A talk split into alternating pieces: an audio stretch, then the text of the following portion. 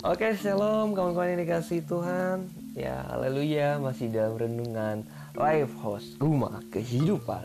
Besi bersama saya dengan Arya Stijaya ya.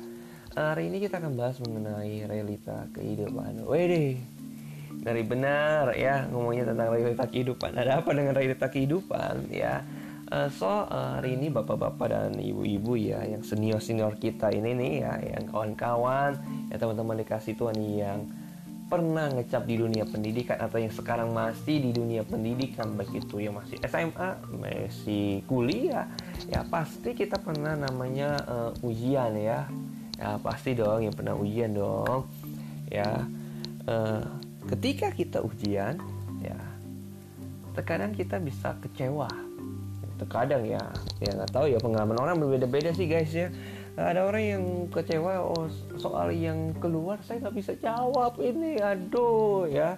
Ya ada orang yang udah belajar mati-matian ya di bab satu dia belajar bab dua dia belajar bab tiga dia belajar.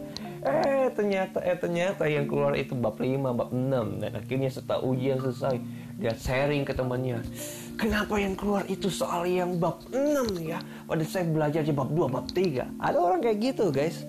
Ya, ada orang yang belajarnya uh, bab berapa, yang keluarnya bab berapa. Akhirnya kecewa sama dosennya, dia kecewa sama gurunya.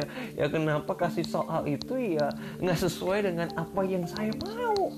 Ya, apa yang yang tidak sesuai dengan apa yang saya belajar. Dosennya ngomong, gurunya ngomong, sorry. Saya kasih soal ujian pasti kalian sudah pernah pelajarinya. Ya oh iya ya nggak mungkin guru kasih soal yang nggak pernah kita pelajari bahkan dosen ya uh, kasih ujian pasti soal yang pernah kita dibahas ya di dalam uh, kelas ya. So uh, terkadang pun juga uh, ujian bisa membuat uh, kita kecewa ya. Nah ketika kita tarik ini mungkin analogi saya itu nggak tepat ya kurang sempurna lah mungkin analogi saya ya. Tetapi dalam peristiwa-peristiwa hal ini terkadang realita kehidupan bisa menjadi satu ujian bagi kehidupan orang-orang percaya. Haleluya ya. Ya so saya merenungkan seperti itu bahwa perjalanan kehidupan kita ya ya ada sebuah ujiannya ya. Nah ternyata realita kehidupan yang terjadi dalam kehidupan kita ya baik itu dalam situasi yang pergumulan kita, baik itu dalam situasi zaman sekarang, realita kehidupan zaman sekarang bisa menjadi sebuah ujian dalam kehidupan kita. Nah, tetapi ya di balik itu semua, ya di balik realita itu semua, ya di balik ujian-ujian yang kita hadapi, ya, ternyata ada orang yang kecewa dengan realita kehidupan yang terjadi. So, hari ini akhirnya banyak hal kita bisa melihat bahwa ada orang kecewa. Ya. Ada orang akhirnya menyalahkan Tuhan. Kenapa? Karena realita kehidupan yang jalan kok berbeda.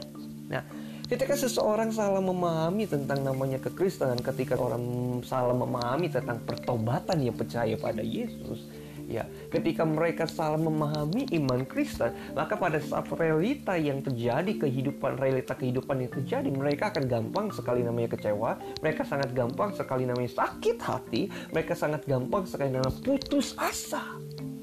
Ya, kenapa? Karena dia salah memahami namanya iman kekristenan. Ya, jika seorang salah memahami seorang dosen, seorang guru, ya, ya dia akan gampang kecewa dengan guru dan dosen. Kenapa kau kasih saya soal yang seperti ini? Ya saya sudah belajar bab, bab 3 bab 5 ya. Tapi kok yang keluar bab 4 bab 7 yang keluar? Tapi dosen itu jawab bahwa semua solusi jawaban yang ada di dalam soal ini kamu kita sudah pernah bahas. Hanya kamu tidak fokus ya. Nah hari ini so uh, ketika seseorang mengikuti Yesus karena hanya sebuah berkat ketika orang mengikuti Yesus karena hanya untuk mengikuti hawa nafsunya yang memuaskan hawa nafsunya. Dan hal ini menjadi satu hal yang membuat mereka gampang kecewa dan realita yang terjadi. Sehingga mereka akan gampang ngomong kepada Tuhan Yesus ya saya sudah mengikuti kamu saya percaya pada kamu iman saya pada kamu. Kenapa ada realita kehidupan yang berbeda yang menyakiti hati saya realita kehidupan yang terjadi oh saya itu ke Aris. Saya diputusin pacar saya ke Aris ya? Atau itu saya itu ya. Waduh nah. So terkadang bahwa ada realita kehidupan ujian yang kita alami kita kecewa. Hari ini ya ketika Anda didoktrin mengikuti Yesus itu enak. Ketika Anda didoktrin mengikuti Yesus Anda bertobat, Anda percaya Anda pindah agama ikuti Yesus karena ingin menjadi sebuah ingin menjadi kaya. Anda bertobat ikuti Yesus karena ingin memuaskan hawa nafsu Anda karena ini cocok agama. Ya Kristen ini untuk menuruti hawa nafsu saya ya. No no enggak. Ya Kristen itu ya itu bukan agama. Pada hari ini Tuhan ternyata mengajari untuk masuk ke tahap namanya kedewasaan. Bukan lagi tahap namanya mempertanyakan Tuhan kenapa kau jahat sekali? Kok, kok tidak adil sama saya Tuhan? No, no enggak ya. Hari ini ya kita mau buka dalam Matius 22 ayat 37 Demikian firman Tuhan dikatakan jawab Yesus kepadanya, Kasihilah Tuhan Allahmu dengan segenap hatimu dan dengan segenap jiwamu dan dengan segenap akal budimu. So hari ini kalau uh, Tuhan ngomong ya uh, kasihilah Tuhanmu ya. Kasihi Tuhan Allahmu dengan segenap hatimu ya. Jiwamu, segenap jiwamu, segenap akal budimu ya so hari ini uh, kalau ayat ini kita pegang ya ayat ini banyak sekali tantangan yang akan kita hadapi. Kalau ayat ini mau kita hidupkan ya. Maka dalam untuk menghidupkan Matius 22 ayat 37 kita nggak bisa mengandalkan diri kita sendiri ya. Kita nggak bisa hanya fokus dengan pola pikir keegoisan diri kita sendiri. Mau tidak mau kita mau melucuti segala apa dalam kehidupan kita ya. Melucuti hawa nafsu kita melepas ke segala apa pun yang menghalangi kita ah, yang menghalangi kita untuk fokus untuk mengasihi Tuhan dengan segenap hati kita. Kita mau tinggalkan itu melalui proses-proses yang ada. Nah menghidupkan Matius 22 ayat 37 tidak semudah itu. Karena Tuhan akan berusaha dengan hatimu. Ah coba ada ujian ini nih. Kamu mau masih mengasihi saya dengan segenap hati? Tidak saya kasih tantangan seperti ini ya kamu masih bisa mengasihi saya dengan segenap hati atau tidak? Justru di ayat 37 ini menjadi satu tantangan kehidupan orang percaya. Jika orang percaya memahami bahwa ayat 37 ini menjadi satu rema dalam kehidupannya, maka realita yang terjadi di dunia ini tidak akan membuat dia kecewa. Kenapa? Dia tahu bahwa apa pun yang terjadi, saya akan mengasihi Tuhan Allah saya dengan segenap hati saya, jiwa saya, dan segenap akal budi saya.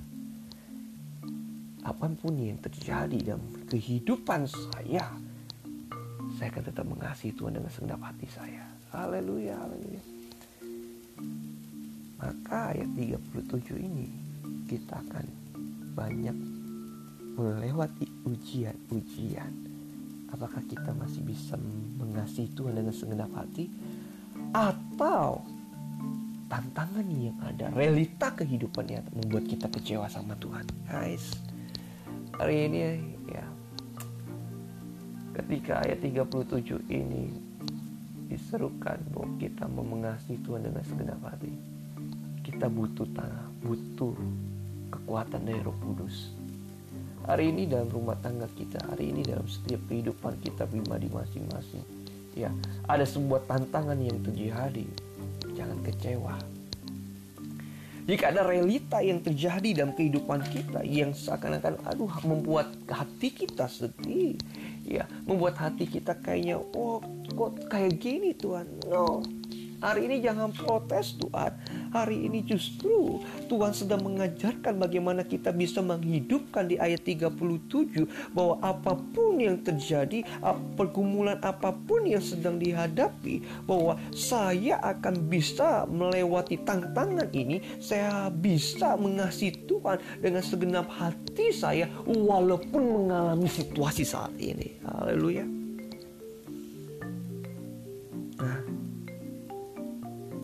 Jadi bahwa segala hal yang terjadi membuat kita dewasa. So Bapak Ibu dikasih Tuhan dan kawan-kawan dikasih Tuhan Jangan kecewa dengan apa yang terjadi. Bahwa realita kehidupan akan membawa kita pada kedewasaan. Pada saat kita memahami pengajaran-pengajaran firman Tuhan Ya, Pengajaran-pengajaran yang mendewasakan kita. Hari ini ya realitas realita dunia yang sekarang ini ya mungkin bagi orang-orang yang uh, tidak dewasa mereka bahwa kok bisa kayak kayak gini terjadi? Tetapi hari ini ya mungkin seakan-akan akal budi kita kayak oh, kok kayak gini sih? No no enggak. Ternyata ya kita harus dewasa memahami hal ini semua. Bahwa apa pun yang terjadi ayat 37 kita harus bisa lulus. Amin. Kita harus bisa lulus, kita bisa mengasihi Tuhan dengan segenap hati kita, jiwa kita, dan segenap akal budi kita. Kita bisa mengasihi Tuhan dengan realita apa pun yang terjadi di dalam kehidupan, baik dengan keadaan zaman sekarang ini. Amin, amin. Ya, hari ini ya kita mau belajar sama-sama. Ya. Dan hukum yang kedua dikatakan di ayat 39. Dan hukum yang kedua yang sama dengan itu ialah kasihilah sesama manusia seperti dirimu sendiri. Maksudnya apa nih? Ya, bahwa realita kehidupan yang ada bahwa segala hal yang terjadi menimpa kehidupan kita kita masih akan bisa mengasihi sesama kita. Haleluya. Walaupun secara realita kita mengalami sakit hati secara realita, kita ditusuk belakang secara realita, kita mengalami pengkhianatan secara realita, ah, kita mengalami banyaknya hal yang mungkin menyakiti kita, tetapi secara hal ini realita yang terjadi, Tuhan ngomong, kau harus bisa lulus, kau harus masih, kau harus bisa mengasihi sesamamu. Jika yang pertama kita harus mengasihi Tuhan Allah dengan segenap hati kita, jiwa kita, akal budi kita, apa pun yang terjadi. Begitu juga apa pun yang terjadi kita harus bisa mengasihi sesama kita, apa pun realita yang terjadi. Haleluya, haleluya. Ya, hari ini ternyata realita dalam kehidupan dunia ini bisa menjadi alat Tuhan untuk mendewasakan kita melalui ujian-ujian yang kita lalui saat ini. Hari ini so uh, Bapak Ibu dikasih Tuhan, kawan-kawan dikasih Tuhan. Ya, kita tahu bahwa realita yang terjadi di zaman sekarang ini ada sebuah wabah, tetapi lebih dari itu ada realita yang mungkin yang terjadi dalam kehidupan Bapak Ibu secara pribadi masing-masing ya kawan-kawan ya ada realita yang terjadi secara uh, pribadi ya ya mungkin dalam setiap hal uh, kita sedang diuji dalam pribadi masing-masing dalam keluarga kita mungkin dalam karakter kita pribadi masing-masing tetapi hari ini saya percaya bahwa ketika Matius pasal 22 ayat 37 sedang berserukan kasihlah Tuhan alamu ya dengan segenap hatimu dan jiwamu dan akal budi dan kasihlah sesamamu seperti dirimu sendiri maka ada banyak tantangan yang kita harus lalui dan kita harus lulus itu semua melalui realita kehidupan ini. Amin. Ya, ada hari ini doa saya, doa untuk kalian semua. Tuhan berikan kekuatan, Roh Kudus memberikan kekuatan. Jangan mengandalkan diri sendiri. Pada hari ini kita mau lihat bahwa setiap realita yang terjadi Tuhan sedang mendewasakan kita. Haleluya. Amin. Mari kita bersatu dalam doa Tuhan Yesus pada hari ini membawa doa bagi semua orang-orang yang hari ini mendengar setiap renungan live host mereka dikuatkan dari setiap realita kehidupan yang ada mereka bisa uh, didewasakan iman mereka bahwa realita bisa membawa realita yang terjadi bisa membawa mereka mengalami namanya mengalami engkau bisa mengalami kedewasaan rohani. Maka dari itu Tuhan, mereka yang sempat kecewa, mereka yang sempat putus asa, mereka yang sempat uh, berkata Tuhan tidak adil dan lain, mereka bisa memahami bahwa segala peristiwa mereka harus bisa mengasihi Tuhan dengan segenap hati mereka. Hari ini Tuhan Yesus berikan kami kemampuan Tuhan untuk menghidupkan kepada firman Tuhan ini. Dan nama Yesus kami berdoa. Haleluya. Amin. Puji Tuhan hari ini uh, kita sudah menyelesaikan tentang segmen tentang realita kehidupan. Waduh, ya ternyata di dalam kehidupan ini tidak semulus dengan apa yang kita pikirkan, tetapi bagi mereka yang memegang petunjuk ya, bagi mereka yang sudah mengalami namanya pengajaran-pengajaran firman Tuhan, mereka yang sudah merenungkan kebenaran firman Tuhan di setiap hari, mereka akan melihat bahwa setiap realita kehidupan akan membawa mereka bertumbuh karena tidak akan membawa mereka pada kepahitan, tidak akan membawa mereka pada kekecewaan, tetapi membawa mereka pertumbuhan iman. Kenapa? Mereka belajar bahwa segala situasi, realita kehidupan yang ada, saya harus mengasihi Tuhan dengan segenap hati saya, jiwa saya, dan akal budi saya. Haleluya. Sampai berjumpa di renungan live host berikutnya guys. Maka pada hari ini lakukanlah aktivitasmu dan hal yang paling penting prioritaskanlah Tuhan dalam hidupmu. Haleluya, haleluya. Amin.